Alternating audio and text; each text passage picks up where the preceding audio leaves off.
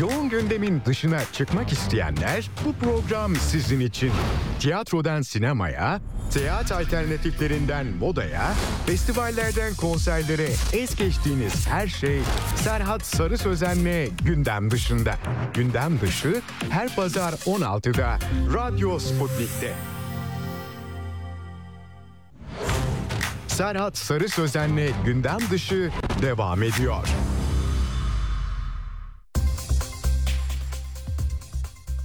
Ve programın ikinci kısmındayız sevgili dinleyenler. Bu defa uzun süredir benim de e, programda konuk olarak görmek istediğim, yakından tanımak istediğim eserlerini zaten... E, e, büyük bir e, keyifle okuduğumuz çok önemli bir edebiyatçı Murat Gülsoy. Hoş geldiniz. Hoş bulduk. Nasılsınız? İyiyim sağ olun.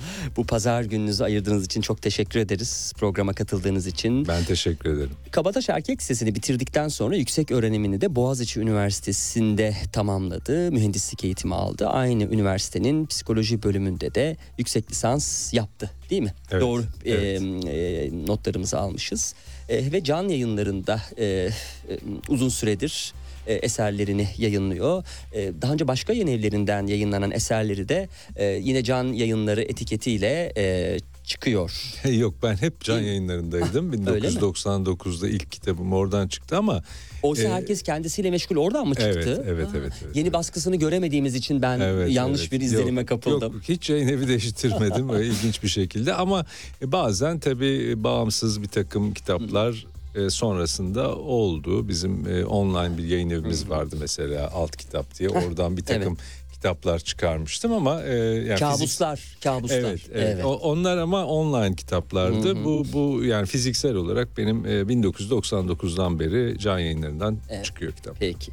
Evet şimdi tabii yayıncı olarak da durumu kurtarmaya da hiç gerek yok. Murat Gülsoy ne diyorsa o. Bir tek kabuslar ve e, bize kaç bize kuş dili öğretildi. Evet. Biraz beni yanıltan Evet, onlar durumlar yarattı. sizi. Kusura bakmayın Bazen lütfen. sayısını soruyorlar ve ben de yanılıyorum. Çünkü bazı kitaplar artık yok. Onların içindeki öyküler başka kitaba geçti falan. Bir de yıllar oluyor Evet, tabii. tabii, 30 yıl içinde bir takım değişiklikler oluyor. Evet.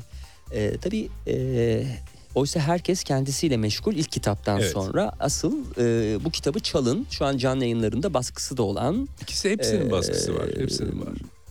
e, bir e, eser E, ve ondan sonra da belki de e, gerçekten istiyorsun adlı kitap 2000 yılında e, yayınlandı öyküler.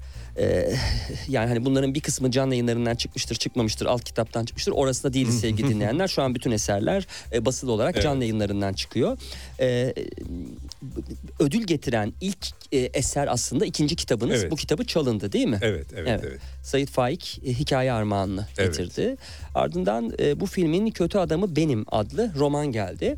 E, biz de aslında bu program itibariyle hem Murat Gülsoy'un bütün kitaplarında da dolaşma ihtimali bulamayacağız sınırlı bir süre içerisinde ama böyle ufak değinebiliriz belki isim olarak geçebiliriz ama asıl e, romanları konuşmak istiyoruz.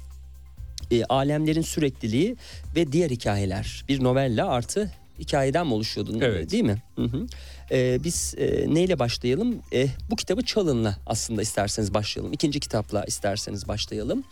E, bu kitabın Murat Gülsoy e, kitaplığındaki önemi nedir? Ö- ödül dışında. Şimdi bu ilk iki kitap aslında beraber de konuşulabilir. Çünkü benim Hayalet Gemi der- dergisi döneminde yazdığım bağımsız öykülerden oluşuyor. E, Hayalet Gemi 1992-2002 yılları arasında arkadaşlarımla çıkardığım bağımsız bir dergiydi ve iki ayda bir ilk yıl aylık ondan sonra iki ayda bir e, sürekli olarak ben bir öykü yazıyordum. E, daha sonra onların içinden bir derleme yaptım ve e, iki kitap halinde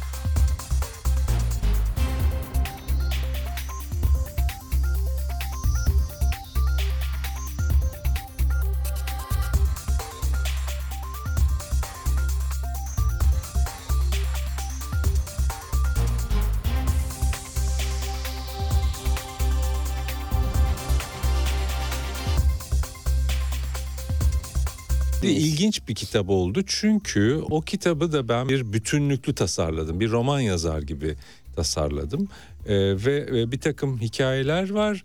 Daha sonra arkasında bir uzun öykü ya da novella diyebileceğiniz bir metin var ve o metin okunduğu zaman baştaki kısa öyküler anlam kazanıyor. Dolayısıyla da böyle bir e, sona gittiğimizde birdenbire onu kavrayacak bütünlüklü bir yapı kurmaya çalışmıştım. Bir, zaten daha sonraki romanlarımda da ben hep öyle parçalı yapılar, farklı roman mimarileri denemeye çalışan birisiyim. Sadece anlattığım konu değil, bunu nasıl anlatacağımla da çok e, ilgiliyim. E, o yüzden ilk denemelerimi belki orada yaptım. Aslında bu kitabı çalında da vardı. Çünkü bu kitabı çalının ilk öyküsü kitabın adına zaten kendine referans veren Abi, Üstünde değil mi? Evet, kitabı çalın, çalın. yazan bir kitap, kitap çalınıyor. Evet şimdi o da zaten abi Hoffman diye bir e, 60'lı yıllarda e, bir böyle bir kitap yazmış bir adam var. Bu kitabı çalın diye ama onun amacı farklı. O e, kapitalist sisteme karşı içine girmeyin. e, çalmak mübahtır o yüzden de deyip hatta bu nasıl çalacaksınız, nasıl hayatta kalacaksınız kapitalist sisteme girmeden bunun yollarını anlatan bir kitap yazmış. Kapağına da bu kitabı çalın demiş. Çünkü bunu para verip almanız sisteme yine girmeniz anlamına gelir. Ben şimdi bunun tabii içeriğinden çok kitabın kapağının okurla konuşuyor olması ve onu bir şeye çağırıyor olması kendisini çaldırtmaya bana çok ironik gelmişti. Yani çok e, hoşuma gitmişti. Böyle kafa kurcalayıcı bir şey. E, hakikaten de ilk yayınlandığında birçok kitapçı bana çok kızdı. E, çalmaya. Yani böyle bir yakalıyoruz ondan sonra ama kapağında yazıyor falan diyorlar böyle şakalar falan ama yani benim de hoşuma gidiyordu Ama tabii. kitabın çalınması da belki de en masum e, hırsızlıktır diye düşünüyorum. Vallahi, Hırsızlığın masumu yok, değil olmaz bence belki olmaz. de. Hayır, hayır, yani olmaz. Bir, bir şekilde Olmaz. içlerinde. Çünkü yani yayıncılık Türkiye'de şu an çok zor. Her türden Evet, yayıncılık doğru, çok zor. Hele doğru. kitap yayıncılığı çok pahalandı Doğru, ve emek doğru. oradaki emek Doğru, doğru. maalesef öyle arada bu sözünden Evet. yola çıkarak korsan kitapçılar da e, destekliyormuş gibi olmayalım. O bambaşka bir şeyden bahsediyoruz. Şüphesiz. Evet, Ee, evet. Tabii sizin okuyucuya böyle ufak zihin oyunları yapmanız, tah, kah böyle çok sevdiğiniz hani Borges'te, kah e, diğer e, yazarlarda işte Tanpınar'da vesaire çok karşımıza çıkan bir durum. E, demek ki bunun mesajını Murat Gülsoy daha ilk öykü kitabında ilk öyküsüyle vermeye başlamış Tabii, diyoruz. tabii. Sonradan bir değişim, bir evrim geçirme değil. İlk günden beri Murat Gülsoy aslında neyse okuyucunun karşısına nasıl çıkıyorsa hep öyle çıkmış diye Evet düşünüyorum. yani ana kanallardan bir tanesi o tabii. Sonra buna yeni kanallar da eklenecek e, son yıllarda. Mesela tarihi romanlar çıktı. Evet. Ya başlangıçta öyle bir kanal Ki son yoktu. roman zaten Evet, değil mi? o da Tarihi öyle. de anlatan. E, tabii. E, Ressam Vasıf'ın Gizli Aşklar tarihini en e, sona bırakmış olacağız. Evet, e, ondan önce işte Gölgeler ve Hayaller şehrinde var. O da tarihi bir roman. E, ama işte ne bileyim e, daha bilim kurguya yakın olabilecek e, yalnızlar, Yalnızlar için çok için özel çok bir özel. hizmet var. Yani değişik alanlarda geziniyorum ama temel şey arayış, yenilikleri denemek. E, bütün bunlar beni benim hani özelliklerim diyebilirim yani. Evet. Eh, Tabii masal, öykü e, aslında e, öykü özellikle ve roman e, Murat Gülsoy'un iki önemli e, e, izlediği yol. iki aracı daha doğrusu ama tabii Nisyan gibi hani denemelerini yayınladığı eserleri de daha doğrusu metinleri de diyelim e, var. Binbir Gece mektupları mesela burada da Binbir Gece masallarına bir e, değil mi selam göndererek oradaki öykülere bir e, selam göndererek yazdığınız bir e, eserdi. Evet Binbir Gece mektupları da yine e, öyküler toplamından oluşuyor ama sonundaki mektuplar birazcık daha böyle soyut bir alıcıya doğru aslında belki de okura doğru yazılmış e, mektuplar. Mektup türü benim zaten başka kitaplarda da sıklıkla başvurduğum e, e, türlerden bir tanesi diyebilirim. Kimi zaman bu e, belirsiz bir okuyucuya doğru yazılmıştır. Kimi zaman bilinen bir yazara doğru yazılmıştır. Ee, mesela Borges'e doğru yazılmış bir mektupla açılan bir kitabım da var. Yani e, mektup e, ilginç bir tür çünkü hem bir yazılı metin hem de belirli bir alıcısı var. Belirli bir alıcıya doğru yazılmış oluyor. Yani bu e, günlük yazmaktan epeyce farklı. Mesela günlüğü kendinize göre yazarsınız, kendinize yönelik yazarsınız ya da meçhul bir okura doğru ama mektubun bir alıcısı var ki bu alıcı yaşamıyor olsa bile siz ona seslendiğiniz anda karşı taraftaki muhatap sizin o metninizi belirler Ee, ve içeriğini de belirler. Yaklaşık 20 yıl önce size Yunus Nadi roman ödülünü kazandıran bu filmin kötü adamı benim e, romanına bakacak olursak bir psikolojik roman e, aslında değil mi? E, Evet benim bu? bütün kitaplarımda psikolojik ba- e, vurgu var zaten. Hı hı. Evet o da onda da öyle bir hat var. Evet. Aa, o da böyle e, Türkiye'de şehirde erkek olmanın alçaklığını ve yüceliğini baba figürüyle e, sorgulayan bir e, kitaptı ve sıradan kötülüğün sırlarını arıyor diyordu basın bülteninde. Buyur. Evet biraz kötü bir karakter bizim o romanın baş karakteri Önder biraz kötü bir karakter ama yazar karakterlerden bir tanesi. Benim ilk dönemlerimde daha çok yazan karakterler vardı baş karakterler vardı. Bu Önder de e, bir roman yazmaya çalışıyor ama yazmaya çalıştığı roman kendisinin 5-10 yıl önceki halinin başından geçen bir hikaye. Dolayısıyla biz hem yazılan romanı okuyoruz hem e, Önder'in e, hayatının e, kesitlerine tanık oluyoruz. Bir yandan da o romanın içinde roman olma hali tabii bir oyun da getiriyor bize. Yani ben ona meta kurmaca diyorum. Metafiction ya da işte üst kurmaca da diye çevriliyor Türkçe'ye. E, hani oyun içinde oyun, film içinde film, roman içinde roman olma hali. E, bu tabii e, bize yeni imkanlar da e, e, sağlıyor. Bu imkanlardan bir tanesi de sadece romanın bize gösterdiği, işaret ettiği hayatı değil, aynı zamanda bu hayatı anlatma biçimleri üzerine de düşünmemizi sağlıyor. Çünkü biz farkındaysanız bir şeyler yaşıyoruz ama bunları dile döktüğümüz zaman onlar bir yaşantı haline geliyor. Biz onları hikayeleştirdiğimiz zaman kendimizi de bunları yaşadığımıza ikna ediyoruz. Başkalarını da bunları biz bu şekilde yaşıyoruz diye onlara e, bir, tür mesaj vermiş oluyoruz. Yani anlatarak, hikaye ederek yaşıyoruz. Hikaye edilen hikayeleri algılayarak dünyanın farkına varıyoruz. İşte bu türden edebi yapıtlarda yani nasıl anlatılır üzerine kafa yoran edebi yapıtlarda da biz de kendi hayatımızda çıkarımlarda bulunuyoruz. Demek ki ben hayatımı başka türlü anlatabilirim ya da bana anlatılan belki de farklı bir hayattır. Yani bizim algılarımızı birazcık keskinleştiren, birazcık daha aklımıza da hitap eden bir tarafı oluyor o türden e, hikaye yapılarının diyelim. Bu anı daha önce yaşamıştım. 2004'te çıktıktan sonra bütün öykülerin ve bütün romanların üstüne konuşamayız ama ben sizin bir başka yönünüze geçmek istiyorum. Yaratıcı yazarlıktaki çalışmalarınız ki geçmişte de programımıza konuk olan e, bazı yazarlarımızla e, yayın yaparken sizin mutlaka kulaklarınızı çınlattılar. Sizin e, yapmış olduğunuz çalışmalardan, atölyenizden e, yazar olarak e, çıkıp ya da ki öyle, o şekilde kendilerini adlandırıyorlardı. Gelen konuklarımız da olmuştu. E, siz e, bu atölyelerde yapmış olduğunuz çalışmaları ya da bu eğitimlerde diyelim nasıl adlandırırsanız yapmış olduğunuz çalışmaları ete kemiğe de bu, e, buluştu, dönüştürdünüz değil mi? Büyü bozumu yaratıcı yazarlık e, kitap aracılığıyla oradan aktardığımızda e, deniyor ki uçsuz bucaksız sanat ülkesinin bilinmeyen topraklarında hayatta kalabilmek için bazı teknikler bunlar.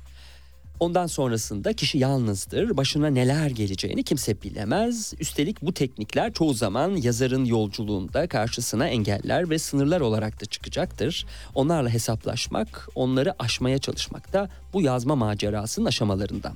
Sanat için kurulan tüm cümleler e, sınanmaya e, tanımlanan tüm kurallar ihlal etmeye, edilmeye mahkumdur diye sürdürdü e, kısımda. Biraz yaratıcı yazarlık çalışmalarınızdan biraz da bu büyü bozumundan bahsedelim. Tabii. e, ben 1990'lı yıllarda bu sadece psikolojide yüksek lisans yapmıyordum ama aynı zamanda edebiyat üzerine de düşünüyordum ve ikisinin özellikle kesiştiği alanlar benim dikkatimi çekiyordu. O da şöyle ki e, insan aklının nasıl çalıştığı benim için temel problemlerden bir tanesiydi. Temel araştırma problemlerinden bir tanesiydi. İnsan aklı nasıl çalışıyor, nasıl üretiyor, nasıl yaratıyor ve bu yaratımın da en üst seviyelerinden bir tanesinin aslında edebiyat olduğunu. E, çünkü edebiyat aracılığıyla yani dil ile biz diğer tüm sanatların neredeyse e, varabildiği e, etki keskinliğine varabiliyoruz. E, dolayısıyla da e, ben de edebiyat üzerine bu gözle düşünmeye ve e, bu gözle okumalarımı yapmaya devam ettim. Yani anlatı bilim olsun, e, işte bir takım yabancı kaynaklarda yaratıcı yazarlık denilen bu işin nasıl yapıldığı üzerine kafa yoran literatürü inceledim. E, bu e, çalışmaların sonunda da e, artık bu yaratıcı yazarlık atölyelerine denemeye başlamıştım. Ve orada anlattığım tabii benim bir de akademik bir formasyonum olduğu için bir ders hazırladım ben yani. O dersin notlarından da Büyü Bozumu Yaratıcı Yazarlık kitabını yazdım. Yani halen de tabii geliştirdim onun 10. yıl baskısında ve daha sonraki baskılarında hep yeni ekler yaptım, elden geçirdim. Şimdi e, önümüzdeki yıl 20. yılda olacak Büyü Bozumu Yaratıcı Yazarlık kitabının ve benim verdiğim eğitimlerin aslında. E, bu eğitimlerde hala o kitaptaki e, kuramsal yapıyı e, anlatıyorum. Aslında iki ayaktan oluşur bu eğitim. E, birinci ayağı yaratıcılık meselesinin nasıl e, algılandığı, insanın e, kendi yaratıcılığını nasıl geliştireceği, nasıl ilham denilen meseleyi tanıması, ilham tamam ilham herkese geliyor da geldiğinin bakalım farkına varıyor musunuz? Hadi farkına vardınız ne yapacaksınız o ilhamla? İşte ondan sonra da ikinci kısım başlıyor. O da nedir? Nasıl yazılacak? Yani bir kendi iç e, yolculuğunuzu, kendi içe bakışınızı derinleştirmeniz gerekiyor. İkincisinde de bir takım anlatım teknikleri üzerine çalışmak gerekiyor tabii. Çünkü biz hepimiz doğuştan çok iyi hikaye anlayıcısıyız, hikaye anlatıcısıyız. Başka türlü hayatta kalamıyoruz. Hmm. Başımıza gelen her şeyi hikaye ediyoruz ama öykü yazarı değiliz, roman yazarı değiliz. Bunlar öykü, roman, tıpkı tiyatro gibi, sinema gibi teknik e, e, sanatlardır. Yani sanatın bir teknik tarafı vardır. O teknik tarafı da mutlaka öğrenilmek durumundadır. E peki bu eğitimler olmasa öğrenemez miyiz? Öğreniriz. Nereden? E daha önce yazılmış olan diğer romanları, öyküleri okuyarak ve kendi sezgilerimizle oradaki yapıları e, çözerek tabii ki uzun bir zaman alır bu. E, o dolayısıyla da bizim eğitimler benim verdiğim eğitimlerde e, belirli bir akademik formasyon içerisinde bu gidiyor ve birkaç yıl devam eden arkadaşlar da oluyor. Evet sonra da gerçekten her gün çalışırsanız bunun üzerine elbette ki yazar olmanızda hiçbir engel yok ve çok sayıda da yazar arkadaşı kazandık ve onlar da birçok ödül aldılar. Sadece kitaplar yayınlamadılar. Yani şu anda bilinen, e, okunan, sevilen e, yazarlar oldular. Dolayısıyla da e, hala da karşılaşıyoruz, görüşüyoruz. Kitapları çıktığı zaman bana gönderiyorlar. Ben de çok mutlu oluyorum. E, yani orada böyle bir şey yok. Bazıları da şaşırıyor. Diyor ki niye siz öğretiyorsunuz ki kendi sırlarınızı veriyor. Ya bu öyle bir şey değil. Yani bu kendi kopyalarınızı yaratmak gibi bir şey değil. Bu o insanların, o. Kaldı ki bundan daha güzel bir şey de olmaz eğer olabilseydi Olamaz belki ki. de. Sanat evet. biriciktir ve kişisel evet. deneyimden beslenir. O yüzden herkesin yazacağı roman birbirinden farklı olacaktır. Zaten o farklılıkları bulmak önemli. Yani ya birbirine belli bir formülü verip de o formülü öğretip haberi onu yaptırmak değil tabii ki öyle bir şey değil. Tabii biz e, yayında e, zaman zaman e, eserleri sadece ele aldığımızda yani şimdiki gibi Murat Gülsoy isminin yaptığı genel olarak birçok şeyi konuşmayıp da sadece kitaba odaklandığımızda e, bazen konuklar heyecanlanıyorlar diyorlar ki hani kitabın tadı kaçacak gibi ya da sonunu söylemeyin. Yani cinayetin e, işte sonucu olsa bile hani bu bir cinayet romanı olsa ve sonucu söylenmiş olsa bile tadı kaçmıyor. E, o katil adım adım o e, işini yapmaya giden yolda acaba bunu nasıl yaptı? Yani yazar bunu nasıl anlattı? Budur aslında edebiyatta bir şüphesiz. Yoksa ölüyormuş, ölmüyormuş bu çok da önemli olmaması gerekir diye. Peki acaba siz dediniz ki e, insanlar iyi bir hikaye okuyucusu, e, anlayıcısı, anlatıcısı ama iyi bir e, öykü yazarı olmayabilirler Doğuştan değillerdir. gelmez Doğru, bu özellik. değillerdir. Sonradan Peki öğrenir. acaba farkındalar? Mesela siz e, ne, ne düşünüyorsunuz? E, aldığınız zaman mesela elinize bilmediğiniz bir yazarı e, baktığınız zaman bu olmamış dediğinde yani aslında farkında olmaması hissi, e, düşüncesi ne hissettiriyor size? Şimdi şöyle bir şey var yani e, profesyonel gözle naif göz arasındaki farktır bu Hmm. aslında. Yani ben mesela moda konusunda naif bir insanım yani hiçbir donanımım yok profesyonel olarak. Bana deseniz ki şimdi bu üstümdeki kıyafet nasıl durmuş? Ben de size ha güzel galiba rengi açmış ama bu bol mu acaba falan derim ya da dar mı gelmiş falan derim. Ama bir profesyonel terzi baktığı zaman nerelerin ha burası biraz pot yapmış şurayı bak pensle içeri alıyorum vatkayı çıkarıyoruz. Bence o konuda da gayet bilgi sahibi gibisiniz geldi bana. der. Yani şudur profesyonellik. Aksayan yönü görmek Evet. ve bunun nasıl düzeltilebileceği konusunda önerilerde bulunmak. Yani benim de yaptığım şey aslında o ve bir süre sonra insanlar bu gözü ediniyorlar zaten. Yani yazıyı geliştirmek demek aslında eleştirel gözünüzü geliştirmek demek. Kendi yazdıklarınızda da bir süre sonra fark ediyorsunuz ki ya burası burası yürümüyor. Bur- Burada aksayan bir şey var. Tam etkiyi çıkaramıyor. Niye? E çünkü burası böyle olduğu için. Artık görebiliyoruz. E bunu görebilmek için de tabii o teknik altyapıya birazcık sahip olmak lazım ki e, şey yapabilirsiniz, e, başa çıkabilirsiniz, yeni öneriler getirebilirsiniz. Tabii ki bunun ön şartı iyi edebiyat okuru olmak. Onu zaten cepte varsayıyorum Varsa. yani. Peki değilse yani ki- kimileri de gerçekten kitap yazmak istiyor ve kapınızı çaldılar ama Türkçe ile ilgili temel problemleri bile var. Halletmeleri gerekiyor. Hmm. Yapacak bir şey yok orada. Çalışacaklar, halledecekler. Bazen Yani olumsuz yaklaşmıyorsunuz. Hayır, Bunu hallet, kimse- çöz. Yok, öyle bir şey yok. belki. Hayır benim yaptığım şey gerçekten öykü roman yazma teknikleri. Dil bilgisi değil. Yani temel dil bilgisi kuralları zaten TDK'nın sitesinde var. Yani o kadar da atla deve bir şey değil D'leri dağları ayırmak. Yani o mesele o değil. Mesele ama kendi dilinizi yaza yaza geliştirmek. Şahane. Evet, yaratıcı yazarlık e, çalışmaları, atölyeleri Devam ediyor şu bunun anda bir, online olarak, Evet, evet. bunun bir sonucu olarak da Büyü Bozumu kitabı da bizim programda mutlaka ele almamız gereken konulardandı. Online devam ediyor. Peki Evet. e, yüz yüze yapılan eğitimlere göre pandemi öncesine göre nasıl verimli oluyor mu siz? Valla daha verimli oluyor Hmm. öyle söyleyeyim birkaç açıdan daha verimli oluyor. Eskiden mekana çok bağımlıydık yani e, diyorduk ki şu saatte şu semte gelebilen insanlar Hmm. bu dersi alabilir. Yani gerçekten sırf cumartesi e, günlerine koyuyordum ki başka şehirlerden gelenler vardı. Hmm. O uçağa atlıyorlardı geliyorlardı. Maliyete bakar mısınız yani korkunç bir şey. Ee, ik- birincisi bu. İkincisi şimdi tabii bu şey kalktı. Şu anda benim sınıfımda yani Endonezya'dan Almanya'ya işte Gaziantep'ten Ataşehir'e yani her Etiler'den yerden yani her yerden bağlanabiliyorlar. var. Herkes eşit mesafe Evet. kalktığı için. Bir tek bu saat farkları birazcık zorluyor bazı ülkeleri ama çok da dert değil ayarlanabiliyor. Bir de insanlar kendi mekanlarındalar ve o iki buçuk saati sadece ayırıyorlar. Hmm. Kimisi mesela yolculukta oluyor. Araba kullanıyor ama yine de dinliyor Hmm. hiç değilse yani kopmuyor. Birincisi bu ikincisi daha önemlisi bence biz derslerde atölyede örneğin e, şey yapıyoruz değil mi böyle öyküyü okuyoruz bir parçasını ondan sonra da ben onu eleştiriyorum veya eleştirisi olan arkadaşların e, düşüncelerini e, alıyoruz ama orada elini kaldırıp bir yorumda bulunmak için ya çok e, önemli bir şey söylemem lazım. Yani çok da böyle dişe dokunur bir lafım yoksa hiç söz almayayım çekincesini gösteren insanlar şimdi online eğitimimiz sırasında daha öykü okunurken o sohbet kutucuğuna e, hemen yorumlarını yazmaya başlıyorlar. Artık çünkü başka bir boyuttayız. Artık işte WhatsApp'tı şuydu buydu sürekli etkileşim içinde olan insanlarız. Dolayısıyla da derse katılım arttı aslında. E, bu tabii birazcık da sizin ilginizle de alakalı bir şey. Yani siz ne kadar ilgi gösteriyorsanız, ne kadar ciddiye alıyorsanız o kadar verim alıyorsunuz. Yoksa bir sınıfa gidip de e, ders sırasında hayallere dalarsanız ya da cep telefonunuzda oynarsanız e, tabii o sınıfa gelmiş olmanız da bir şey değiştirmiyor. değiştirmiyor. Dolayısıyla burada önemli olan husus insanların tabii bu yetişkinlere yönelik bir eğitim olduğu için yani insanlar kendileri seçip geliyorlar. Yani kimse onları zorla bu eğitime vermiyor. Örgün eğitim biraz öyle bir şeydir. Ortaokulda, lisede her dersi çok da böyle insan isteyerek almaz. Bak, Zorunludur çoğu ders zaten.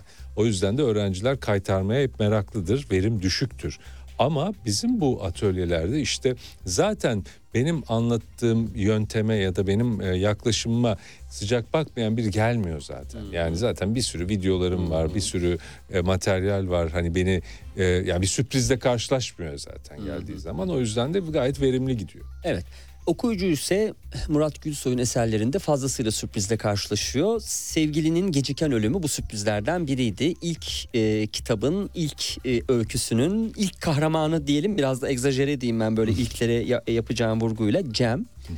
E, bitkisel hayata girmiş olan aşkı e, Serap'la burada karşımıza çıkıyor E, ve e, Serap'a bakmak üzere kendisini dünyadan soyutlayarak eve kapanmış birbirinin aynı olan günlerin bir özeti olabilecek bir anın içinde sıkışmış olan Cem'in üzerindeki psikolojik gerilim zihinsel durumunu değiştiriyor. Ölümle yaşam arasında asılı kalmış olan sevgilinin bedenini zihinsel bir savaş alanına dönüştürüyor bu eserinde.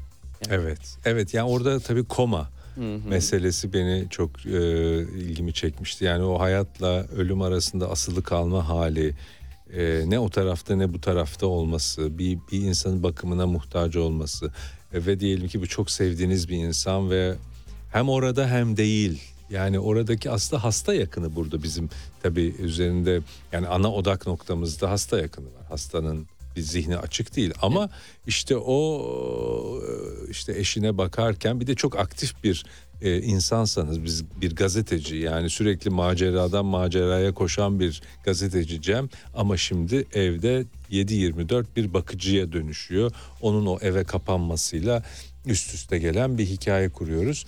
E, benim evet yani o benim e, biraz böyle sınırları e, zorlamaya başladığım romanlardan bir tanesiydi. Çok benzer bir başka e, roman da aslında e, şeye geleceğim.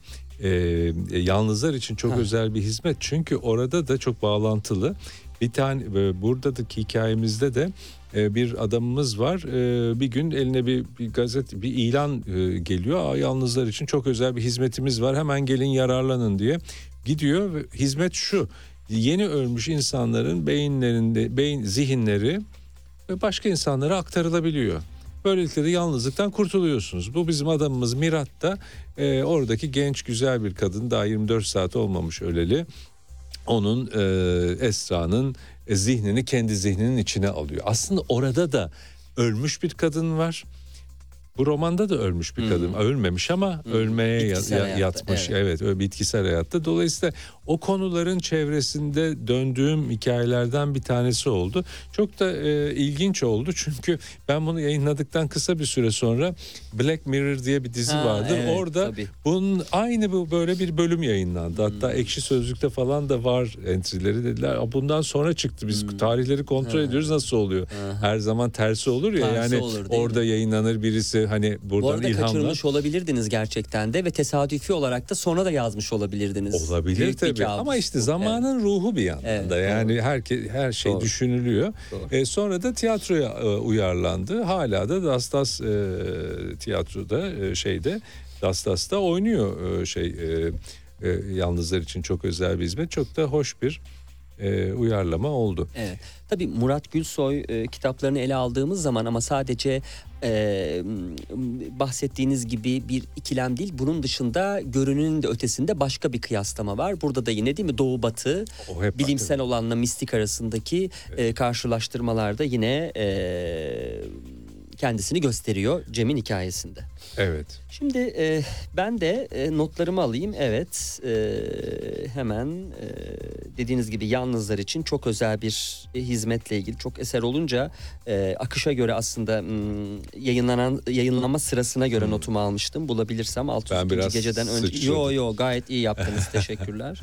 Acaba diyorum e, sizle konuşurken silmiş olabilir miyim? E, neler yapmışım e, böyle yalnızlar için çünkü Borges'le ilgili aldığımız notlar vardı. Muhtemelen e, böyle konuşurken cep telefonundan e, silmiş olabilirim. Her neyse e, yapacak bir şey yok. Buradaki asıl e, konu da e, değil mi? E, Borges'e yazdığınız mektupla evet, başlaması da işte parçalı bir roman bu. Bir mektup da başlıyor. E, sonra yine başka parçalarla da bitecek roman. Yani tek başına anlattığım hikayesinden oluşmuyor da o hikayeyi yazan yazarın dünyasını da biz bir şekilde görüyor. Birkaç şekilde görüyoruz. E, o benim böyle hakikaten böyle uçlara doğru en uçlara doğru gideyim bakalım ne olacak diye böyle hakikaten çok denediğim deneysel bir e, şey oldu roman oldu. Ama ortaklıklar hep var benim yazdıklarımda. Yani ortak olan temalar demin dediğiniz işte bu doğu batı meselesi akıl e, ruh ya da işte mistisizm bilim arasındaki meseleler e, en temelinde de zihin meselesi tabii evet. zihin meselesi Bütün bunlar içerisinde Jorge Luis Borges'e de sizin özel bir yakınlığınız var. Nitekim bu kitabın girişinde de e, yapmış olduğum sohbetten bir kısım aktarayım. Buldum bu arada notumu. Sevgili Borges, İstanbul hakkında yazdığın o kısacık metni defalarca okudum. Doğu romanın ve Bizans'ın gizemli başkentini şu anda üzerinde yaşayan insanlara pek de yakıştıramamışsın. Ne demek istediğini anlıyorum tabii. Yok hayır anlamıyorum diye sürdürdüğünüz e, o Borges'le e, yapılan sohbette. Değil mi? Genel olarak aslında hani b- b- bütün e, klasik e, eserleri okumuşsunuzdur. Yazarlarını çok yakından incelemişsinizdir ama e, Borges'i bu kadar farklı kılan ne? Borges çok bir kere e, dünya kültürüne e, çok yönlü bakabilen bir yazar. Tane bir özelliği o. Yani Arjantinli tabii İspanyolca yazıyor ama İngiliz edebiyatına da en az bir İngiliz kadar neredeyse hakim ama aynı zamanda Binbir Gece masallarına da hakim. Yani Doğu'nun hikayesine de hakim. Ee, dolayısıyla e, hem Doğu'nun hem Batı'nın hem Uzak Doğu'nun kimi zaman e, hikayeleri, e, kültürel e, unsurlarını kendi edebiyatının içerisine eritebiliyor. Birincisi bu ama ikincisi daha önemlisi yazdığı metinlerde sürekli tetikte olmanız lazım. Çünkü kurmaca mı yoksa e, ger- gerçekten var mı bu kişiler? Yani öyle e, öyküleri var ki e, gerçekten de insanı böyle şaşkına çeviriyor. Yani işte Don Quixote yazarı Pierre Menard. Şimdi ve Pierre Menard diye bir adamın çok uzun bir akademik geçmişini bize e, biyografisini anlattıktan sonra da Don Quixote'u nasıl yeniden kelimesi kelimesine yazdığını ve bunun farklı olduğunu ikna etmeye çalışıyor. Şimdi böyle bir şey yok. Böyle bir adam yok. Böyle bir metin de olamaz zaten ama siz okuduğunuzda birincisi olabilire e, inandırıyor sizi ama araştırırsanız tabii ki bunun böyle bir şey olmadığını fark edersiniz. Yani o işte bir dönem postmodern edebiyat diye adlandırılan bu kurmaca ile gerçeklik arasındaki sınırları yoklayan e, tarzın e, en önemli figürlerinden bir tanesi. E, o yüzden de beni de zamanda çok etkilemişti. Ama bu etkilenme aynı zamanda bir süre sonra bir tür hesaplaşmaya da dönüşecek zaten. Benim işte 602. gece e, e, denemelerden oluşan e, kitabın deneme demeyelim de aslında edebiyat incelemesi diyelim onlara. Çünkü uzunca bir bölüm modern, postmodern edebiyat üzerine kuramsal bir çerçeve. Sonra da Tanpınar, Oğuz, Oğuz Atay, Atay, Orhan Pamuk. üzerinden bir Türk edebiyatı okuması veriyor ama o kitabın adını veren 602. gece lafı Borges'in Minbir Gece e, masalları üzerine yazdığı bir paragraftan kaynaklanıyor. E, biliyorsunuz hikayeyi e, Şah Şehriyar işte sürekli olarak aldatılmaktan korktuğu için her gece bir başka e, kadın bir kızla evleniyor ve ertesi günü onu öldürtüyor. E, böyle korkunç bir arka planı var ama vezirin kızı Şehrazat da ben bu işe mani olacağım deyip evleniyor ve ona çok heyecanlı masallar anlatıyor. Tam en heyecanlı yerinde arkası yarın diyor. Aslında dizi filmin mantığıdır bu değil mi? En heyecanlı yerinde bırakırsınız ki bir sonraki bölümü seyretsin. Anlatıcının dramı diye de yorumlanır bu ama aslında bir kadın cinayetlerinin önüne geçmek için e, e, e, icat edilmiş bir şey. Bütün Binbir Gece masalları böyle bir şey. Diyor ki Borges bu dinler diyor Şah Şehriyar ama 602. geceye geldiğinde şöyle bir şey olur. Birden kendi hikayesini dinlemekte olduğunu fark eder ve o zaman bu bir sonsuz döngü yaratmaz mı diyor. Şimdi ben de bunu okudum güzel hoşuma da gitti aa öyleymiş deyip geçebilirsiniz ama şeytan dürttü akşam hemen bir bir gece masallarını aldım açtım 602. geceyi başka bir masal var. Ama şey de değilim bu elimdeki binbir gece masalları belirli bir e, derlemenin çevirisi. Birkaç tane var dünyada. Diğerlerini de araştırdım. Diğerlerinde de yok. E sonra birazcık daha araştırınca benim gibi bunun peşine düşmüş akademisyenler buldum. Onlar da "Ya bu yok burada ne demek istiyor? Bazısı orada var olan masalı eğip bükerek başlangıçtaki bir şey bağlamaya çalışıyor. Borges doğruyu söyledi demeye getiriyor.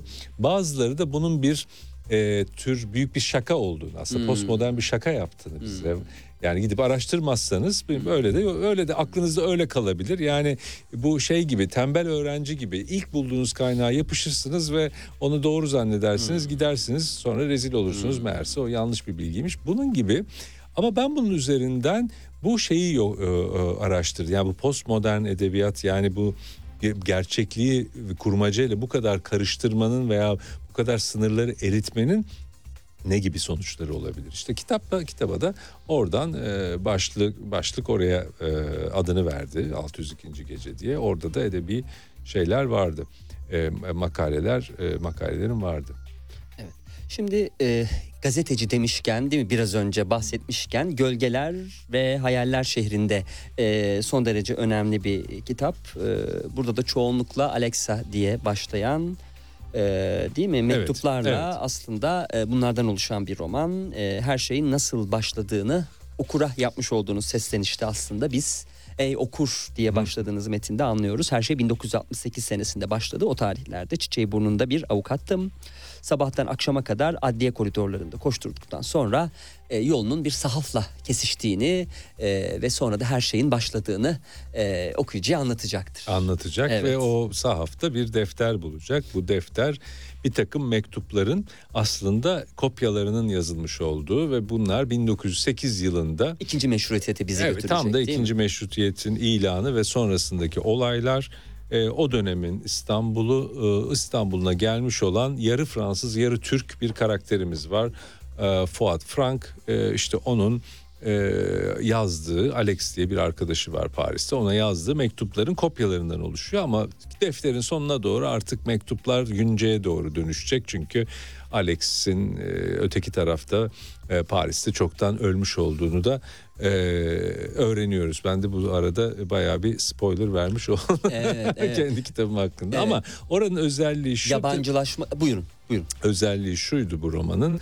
Beşir Fuat karakteri üzerine aslında ben bir şey yazmak istiyordum. Bir roman yazmak istiyordum. Beşir Fuat da o, o 19. yüzyıl sonunda e, Türkiye'de yaşamış en ilginç aydınlardan biridir. E, ve kendisi e, ansiklopedide ilk karşılaştığımda çocukken beni böyle ürpertmişti. Çünkü ilk Türk materyalisti pozitivisti diye tanıtılıyordu ve bileklerini keserek hayatına son vermiş ve o da önemli değil. O anı e, yazıyor. Yani bunu bir deney gibi ölümü kaydetme deneyi E, çünkü pozitivist.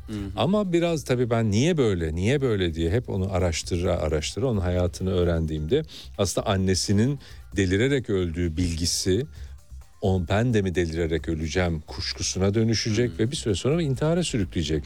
Şimdi bu bana yine paradoksika paradokslu geldi. Yani gerçekten bir hastalık olduğu için mi e, intihar etti yoksa bu kuşku mu onu intihar... Ya böyle bir e, şey üstelik de yine bir doğu batı meselesi var orada tabii. Bir akıl pozitivizm ama siz Osmanlı coğrafyasındasınız ve Neyin pozitif? Nezin poz- Şimdi oradan yola çıkarak ben onun oğlu bir genç gazeteci olmuş. Gazeteci oradan geldiniz siz tabii. Genç gazeteci olmuş Paris'ten buraya görevlendiriliyor ama bilmiyor ki babası Beşir Fuat. O burada kendi babasını, kendi geçmişini, kendi Türk kimliğini aslında keşfetmesinin de bir hikayesi.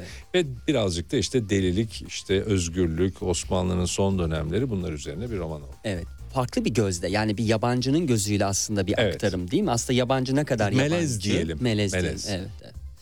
Şimdi e, en azından yabancılaştığı kültürü dışarıdan Evet. gözleyen biri diyebiliriz Evet. belki. Evet.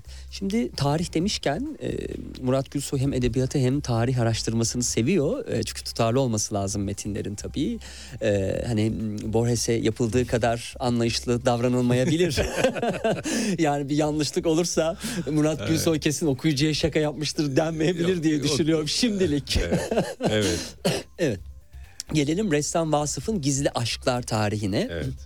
Bu kitap aslında çok önce yazılabil yani yazılan bir kitap ama basımı mı gecikti ya da o da kurgunun bir parçası mı? Evet, bu da kurgunun, bir, parçası. Bu Evet, biraz avlandım. evet, kandır, kandırıyoruz arka kapak e, şeyiyle. Ama şöyle bir şey bu. Yani bir e, ressam, bir sanatçı romanı tabii. Evet, E, Vasıf Ekrem Yelda. Yelda isimli bir e, ressamımız var. Tabii ki kurmaca bir ressam ama yani benim hayalden yarattığım bir ressam ama bütün bu e, roman fikri bana bir e, yıllar önce Avrupa'da bir şehirde bir müzede gezdiğim bir sergiden aslında e, ilhamını aldım. Sergi bir heykeltıraş Giacometti üzerine güzel bir sergiydi ama o kadar çeşitli malzeme kullanılmıştı ki yani adamın fırçalarından e, yapılmış röportajına, e, ses kaydından videosuna, yaptığı eserlere, mektuplarına kadar her şeyi böyle izleyip çıktıktan sonra dedim ki ya ben bir roman okumuş gibi doyuma ulaştım.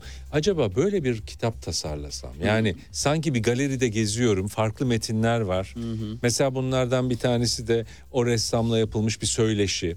Onu da duyuyoruz. Başka açıklamalar var. Ve böyle bir roman buna böyle bir resim galerisi romanı diye hep kodlamıştım bunu. Fakat yıllarca yazmadım ama kimi yazacağım belli değil.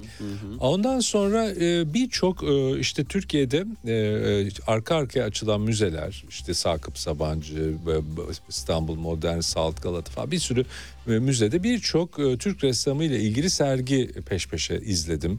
Avni Lifijler, Feyhaman Duranlar, işte Hale Asaflar, biz bir Mihranım vesaire bütün o şeyler Aliye Berger falan bunlar beni çok etkiledi. Dedim ki ya bizim resim tarihimizden bahse orada konumlandırsam. Çünkü tam bir dönüşüm aslında hikayesi. Yani e, e, akademiyanın kurulması, Türkiye'de resmin ve heykelin aslında e, öğretilmesi, yapılması bir yandan da bizim modernleşmemizin tarihi.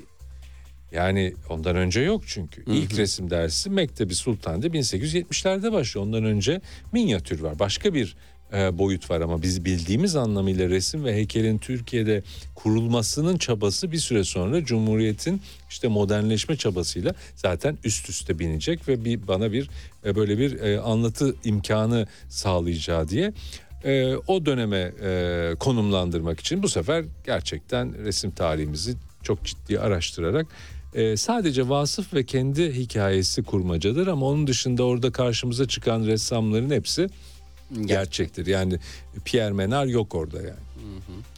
E, bu arada tabii e, Cumhuriyet'le başlatıyoruz çünkü e, resmin günah olduğu değil mi düşüncesinden hareketle ki kitapta da kısım şu birkaç defa sormuştum amcama resim yapmak günah mı diye her seferinde başka şeyler söylemişti.